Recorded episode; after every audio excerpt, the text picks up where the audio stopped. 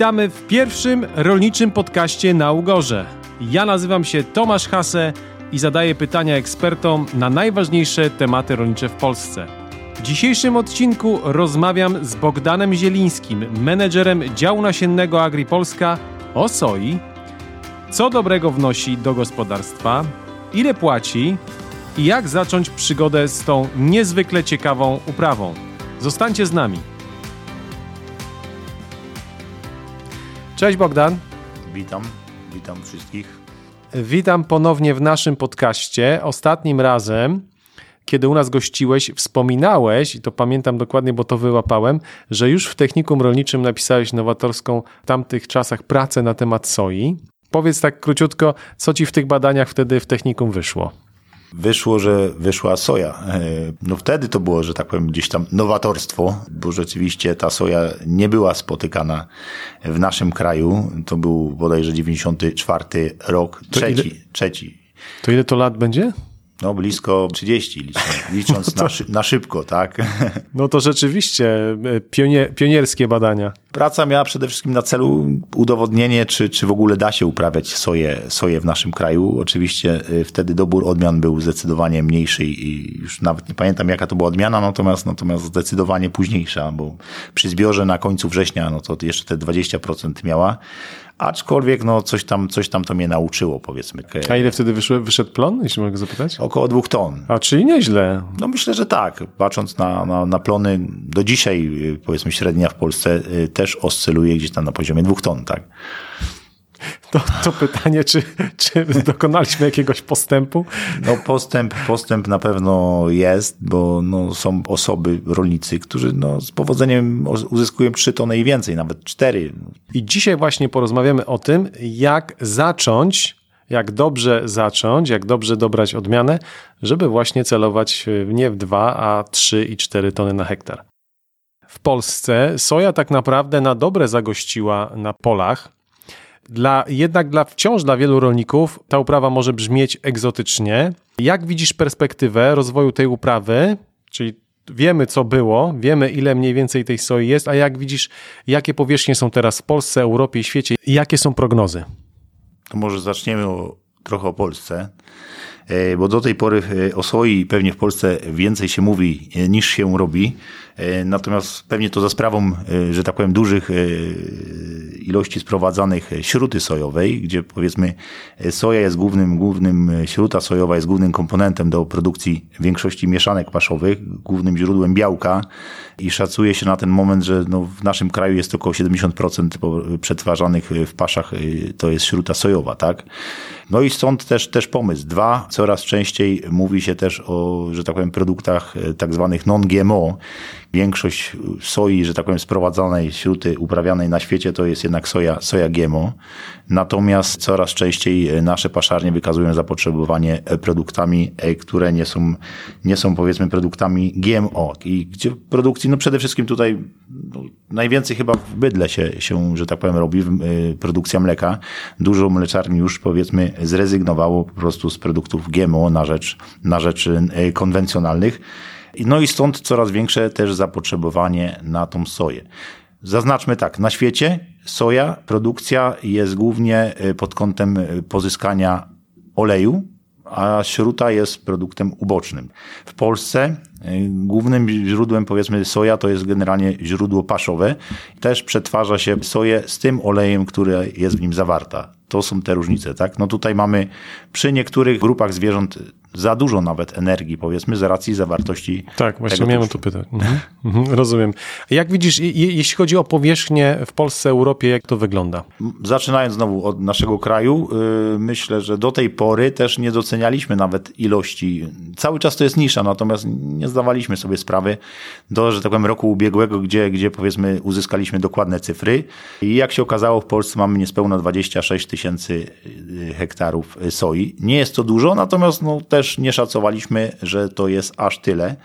Europa też nie przoduje. Zasiewy w Europie, no to jest generalnie, myślę, że gdzieś około 1% globalnej produkcji. To jest niespełna, myślę, milion, y, różne są dane, różne źródła, natomiast to jest niespełna milion hektarów, y, gdzie produkcję mamy 2,7, 2,8 miliona ton soi w Europie. Mówię tutaj o Unii Europejskiej, tak, żebyśmy się też źle nie zrozumieli, no bo tutaj dochodzą jeszcze Ukraina, tutaj Rosja, gdzie ta europejska część, gdzie powiedzmy te areały też, też są większe. W Europie największym producentem, najwięcej uprawia się soi we Włoszech, w Serbii, w Rumunii. To są kraje, no te bardziej południowe.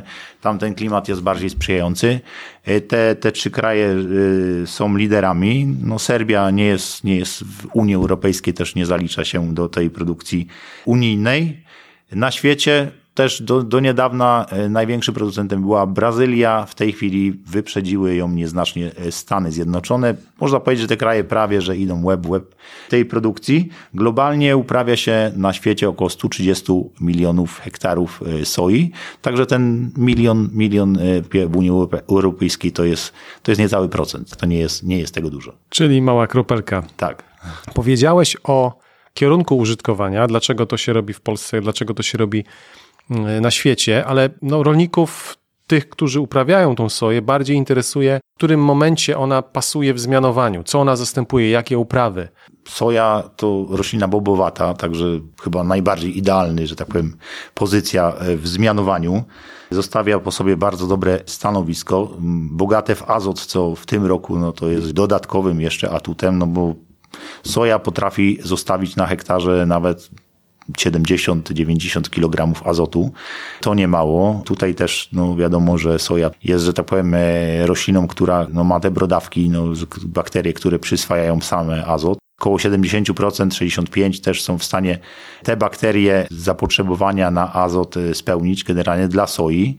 Pozostałą część albo robimy, powiedzmy, jeśli chcemy intensywnie uprawiać, albo robimy e, dodatkowe nawożenie, albo też, albo też no, pobiera, pobiera sobie soja, z, że tak powiem, z profilu glebowego, z to, co mamy, to, co mamy w glebie i to w zupełności wystarcza. Na ten, na ten rok wyczuwa się kluczowy ten azot, który strasznie, strasznie nam zdrożał. Według mnie soja przede wszystkim powinna trafić po roślinach zbożowych. Tam ona powinna trafić. Może po okopowych, natomiast tam jest też już możemy trafić na, że tak powiem, nadmiar azotu, e, który spowoduje to, że te brodawki, te, te, te korzenie będą leniwe i będą mniej wytwarzały brodawek, powiedzmy, to raz, a dwa, że powiedzmy wydłuży to wegetację. Wiadomo, że, że soja e, jest rośliną ciepłolubną, wykorzystujemy te miesiące najcieplejsze, także nadmiar azotu wydłuży nam tą gdzieś tam to dojrzewanie na październik i powiedzmy wtedy zderzymy się już na pewno z gorszą e, pogodą. OK, powiedziałeś o wartości dla gleby, powiedziałeś o wartości dla zmianowania. Oczywiście wspomniałeś ten darmowy azot, który zostaje 70, nawet 80 kg na hektar. To też trzeba wziąć pod uwagę w kalkulacji opłacalności. Ale tak naprawdę dla rolnika no, w pierwszej kolejności powinno się liczyć opłacalność samej uprawy, jakby takie porównanie bezpośrednie kosztów i tego zysku, tej ceny na końcu. Jak to wygląda w tym roku? Jakbyś miał zestawić tą całą kalkulację Y, I oczywiście pytanie, czy, czy jest zbyt dla tej soi, bo, bo to też jest pytanie kluczowe. Na tą chwilę zbyt, zbyt jest zapewniony. Raz możemy to sprzedać w kraju, dwa możemy to wyeksportować tutaj i też Niemcy chętnie to kupią. Sama opłacalność, no ten rok y, powiedzmy tak, no jest opłacalny na pewno dla, dla wszystkich, że tak powiem, upraw, natomiast no tym niemniej dla soi, powiedzmy tak. Soja ma relatywnie e, niskie koszty e, obsiewu. Idąc dalej, te koszty powiedzmy tam można powiedzieć, że nam spadają, bo koszty na nawożenia e, są dość ograniczone. Oczywiście fosfor, potas na pewno musimy zapewnić, natomiast tu to zapotrzebowanie bym określił na średnie. Na azot możemy to dać, powiedzmy w większości daje się taką dawkę startową około 30 kg, y, natomiast no to jest, to jest cały koszt. No mamy do tego ochronę herbicydową. Uprawie w Polsce powiedzmy nie ma nasilenia powiedzmy tej soi, to jeśli mówimy o chorobach, no to raczej, raczej to, że tak powiem, tego się bądź nie robi, bo bądź robi się to prewencyjnie po prostu tylko dla, dla spokojnego sumienia i tutaj te koszty, koszty spadają. Idąc w drugą stronę, powiedzmy, określić trzeba, jaki możemy zebrać, zebrać plon i tutaj osoby, rolnicy, którzy, którzy sieją tą soję od dłuższego czasu, no powiedzmy, że są w stanie zebrać 3 tony. Te 3 tony to ja bym określił przynajmniej na poziomie takiej bardzo dobrej kukurydzy opłacalność, tak? No bo wiadomo, że tam te koszty kukurydzy będą wyższe, natomiast przy, przy tej soi te koszty niższe niższe. Może sam obrót na hektarze nie będzie aż tak wielki, aczkolwiek no 3 tony soi na dzień dzisiejszy patrząc na ceny, ceny oscylują w tym roku, czy tam od żniw powiedzmy 2,21, przełom 2,22, no to oscylują od 2,400 na obecną chwilę, natomiast no w piku takim ta soja kosztowała 2,800, nie? czyli patrząc, patrząc na, na, że tak powiem, wynik jakiś tam końcowy, no to mamy obrotu samego gdzieś tam 7,5-8 tysięcy.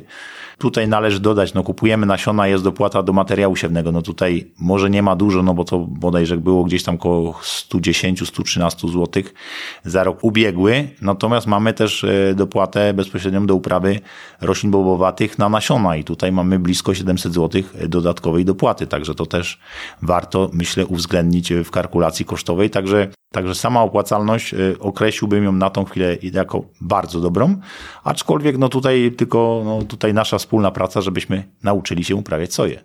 Rozumiem. E, dotknąłeś w tej kalkulacji, którą przedstawiałeś, dotknąłeś trochę agrotechniki. O tym dzisiaj nie będziemy rozmawiali, ale chciałbym jeszcze wrócić, bo to jest, mm, zanim przejdziemy do samych odmian i nasion i tak dalej, bo to jest jakby nierozerwalna część e, nasion. E, jakbyś powiedział kilka słów na temat zaprawiania soi bakteriami, o których wspomniałeś.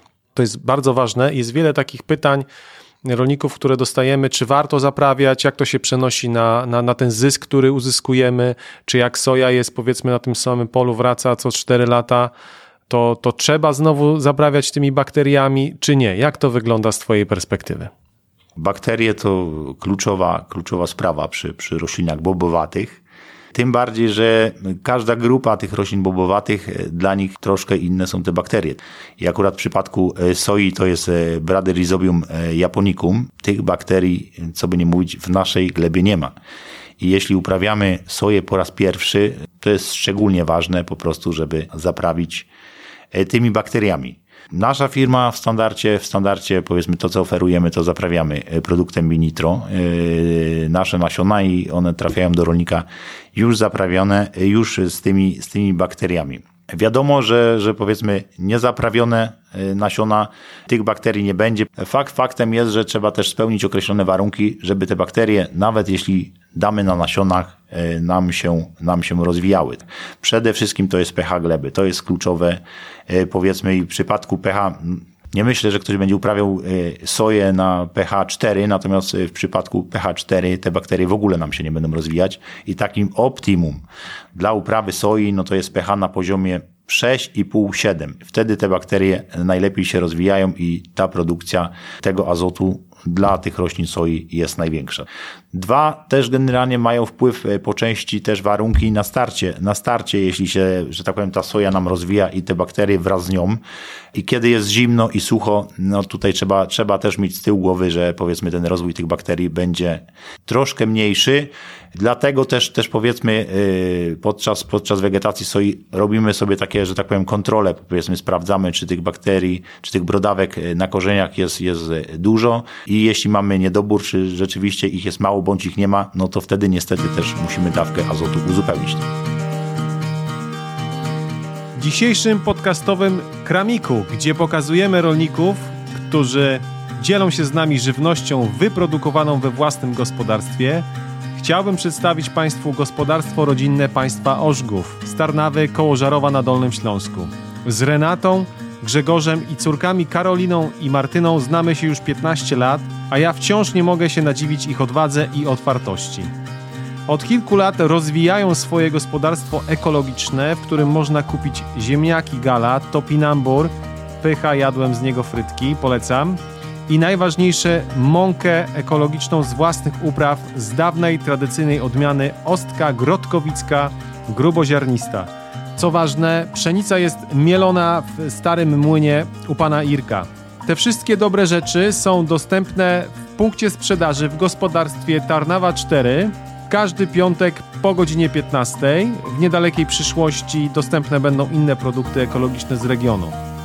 Możliwa jest też wysyłka po wcześniejszym telefonie 509 579 701. Polecam serdecznie i smacznego!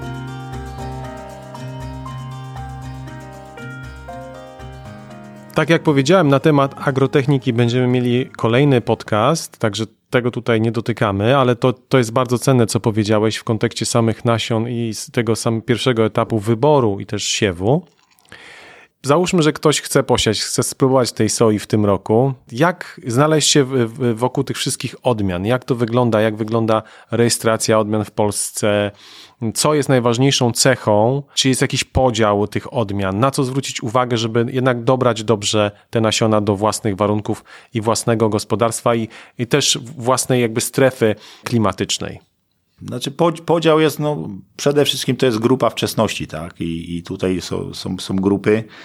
Coboru, coboru bada soję, e, są, są wyznaczone grupy wczesności, są odmiany wczesne. Najbardziej te odmiany, myślę, właściwe przede wszystkim do, jeśli myślimy o uprawie w całej Polsce, na przykład e, te odmiany wczesne. Natomiast no, te odmiany niestety planują troszkę, troszkę gorzej. Taką najbardziej rozwiniętą grupą, najbardziej po, po poszukiwaną, czy też, czy też uprawianą, no to są odmiany e, średnio wczesne do średnio późnych. Okres wegetacji jest średnio powiedzmy gdzieś tam 140 dni tej soi, także patrząc, że zasiejemy to gdzieś tam, gdzieś tam e, na starcie początek maja, no to jest szansa, że do końca września, do końca września zbierzemy tą soję, no i to jest takie właściwe, no bo tak do tej pory się uprawiało gdzieś tam przełom druga, trzecia dekada września zawsze trwały te zbiory i te i tutaj mamy przede wszystkim te odmiany, które najlepiej nam, nam planują i no i te, które, które są najwięcej uprawiane. Oczywiście kolejny podział, no to, no to jest, że tak powiem, wspomniałem już o tej, o tej śrucie GMO, no to są GMO, no, które... Miałem o to pytać właśnie, jaka jest kwestia modyfikacji, bo to też wiele osób pyta o to, czy ta soja, która jest w Polsce dostępna generalnie w Europie, to jest GMO, czy nie jest GMO, jak to wygląda, bo to trzeba też wyjaśnić. No na pewno zderzenie mamy ze śrutą, która w większości e, prawdopodobnie, no, dla pewności jest GMO, tak?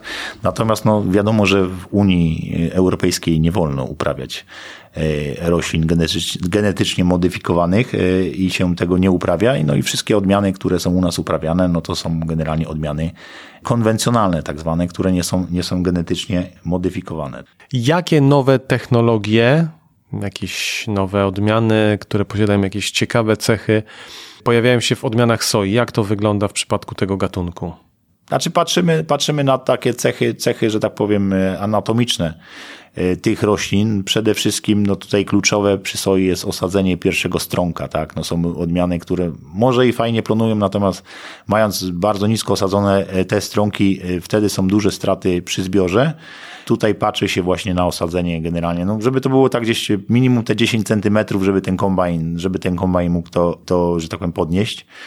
No wysokość, wysokość roślin, na pewno odporność na wyleganie, to są, to są takie cechy powiedzmy ważne. Równomierność dojrzewania, to też, też jest ważna, bo w ten wrzesień, czy, czy jeśli zahaczymy o październik, ta pogoda to już też jest już mniej sprzyjająca, temperatury niższe, też się patrzy, żeby te, te rośliny były równomiernie dojrzałe. No i myślę, że, że to są takie zasadnicze cechy w doborze odmian poza plonem, tak, no bo który, który tutaj jest Oczywiście. kluczowy przy naszej opłacalności, poza plonem, e, na które, na które z pewnością się będzie patrzyło. Powiedz proszę Bogdan, gdzie rolnicy mogą znaleźć e, wiarygodne źródło informacji na temat tych odmian, na temat tego podziału, tak żeby dobrali to sobie do, do własnych gospodarstw? No tutaj przede wszystkim, przede wszystkim to jest coboru. Do niedawna jeszcze tych odmian było mało, powiedzmy ten wybór był, był mniejszy. Natomiast e, w tej chwili te badania, te badania rzeczywiście rozszerzono. E, są odmiany u nas zarejestrowane, no ale też zaczęło się badać, badać odmiany z CCA, z europejskiego katalogu i ta lista znacznie się, znacznie się nam powiększyła. Natomiast najcenniejsze są te odmiany, które są badane, rejestrowane przez nasze coboru, e, bo wiadomo, że te odmiany będą najbardziej przydatne do naszych warunków klimatycznych. No i pytanie zasadnicze, takie nowości, odmiany, które przygotowała Agri w tym roku, na co, na co klienci mogą liczyć, jeśli chodzi o naszą firmę? Trzymamy się jednej odmiany. Do tej pory, do tej pory to był aligator. Dra, drapieżnika, tak? w tym roku, w tym roku mamy, mamy nową odmianę, e, zarejestrowaną w Coboru. W Coboru to jest rejestracja 2021, czyli, czyli można powiedzieć, że, że świeżynka. To jest odmiana z grupy właśnie tej średnio wczesnej, średnio później. E, odmiana nazywa się Ceres PZO e, z hodowli IGP. No przede wszystkim patrzyliśmy to, jak powiedzieliśmy wcześniej, to jest, to jest plon, tak, odmiana generalnie numer jeden w tej grupie, w tej grupie wczesności. Yy, no i nie zapominamy też o tych innych rzeczach. Wysoko osadzony strąg, rośliny dość wysokie, 90-100 cm, także ten zbiór też, też jest ułatwiony. Natomiast, natomiast tutaj z wyleganiem nie ma problemu. Odmiana, która będzie równomiernie dojrzewać, no i przede wszystkim to, co wspomniane, ten plon, tak? No tutaj powiedzmy w roku 2000 2020 miała 114% wzorca, rok wcześniej w 2019 107% wzorca, także odmiana na pewno wyróżniająca się pod względem plonu. Czyli rozumiem dwie kluczowe odmiany, aligator, który... No, aligatora już nie ma, także jedna kluczowa. A, przepraszam cię najmocniej. Czyli Ceres, ale do, Ceres. powiedziałeś, że jest całkiem. No tak, aligator, y, szczerze mówiąc, na, w okolicach Wrocławia no, no to jest hit. E, to był hit w tamtym tak, roku. Natomiast no tutaj mamy na plus plon też, natomiast też Ceres jest, jest odrobinę wcześniejszy od Alligatora. Mhm. Super, super, super to wszystko brzmi. Gdybyś miał polecić, bo wiadomo, soja się rozwija, ale w dalszym ciągu tej wiedzy jest jednak za mało, trzeba tutaj tą wiedzę przekazywać. Jakbyś miał polecić dodatkowe źródło wiedzy na temat soi, najlepiej w formie pisanej, to co by to było? Znaczy dużo na pewno, na pewno gdzieś tam, gdzieś tam tego jest wszystkiego w internecie, e, powiedzmy. To są takie krótsze e, opracowania. E, na pewno metodyka integrowanej ochrony soi. Odnosząc się do soi, może takich szerszych publikacji jeszcze, jeszcze nie ma, natomiast no, dużo rzeczy już można przede wszystkim znaleźć jednak w internecie, powiedzmy, tak? Gdzie, gdzie każdy, każdy gdzie tam próbuje swoje doświadczenia przekazać i tak, że tak powiem, od praktyków dla praktyków kolejnych, tak? Także to myślę, że główne, główne są na razie źródła. Dziękuję Ci bardzo i to był właśnie praktyczne wskazówki na, temu, na temat doboru odmian od praktyka. Naszym gościem był Bogdan Zieliński, menedżer działu nasiennego AgriPolska. Dziękuję Ci bardzo. Ja również dziękuję. No i co życzę wszystkim e, pasjonatom, bo myślę, że tacy e, ludzie nas słuchają, pasjonatom rolnictwa, pomyślnego startu uprawie soi. Tego samego życzymy Państwu. Dziękuję bardzo. Dzięki. To wszystko na dzisiaj. Dziękuję bardzo. Więcej informacji znajdziecie w katalogu Agri Wiosna 2022. Zachęcam gorąco do odwiedzin nowej strony rolnikwie.pl, gdzie znajdziecie nie tylko wszystkie odcinki podcastu, ale też pobierzecie niezwykle ciekawe materiały odnośnie uprawy, nawożenia i ochrony. Zapiszecie się także do najlepszego w branży newslettera. Już teraz zapraszam na następne odcinki naszego podcastu. Pamiętajcie proszę, słyszymy się co dwa tygodnie na naszej stronie www.agri.pl, na stronie www.rolnikwie.pl lub wszystkich wiodących aplikacjach jak Spotify, Google Podcast czy Apple Podcast. Gdybyście mieli pomysły lub pytania odnośnie podcastu, piszcie śmiało na marketingmałpa.agri.pl. Tymczasem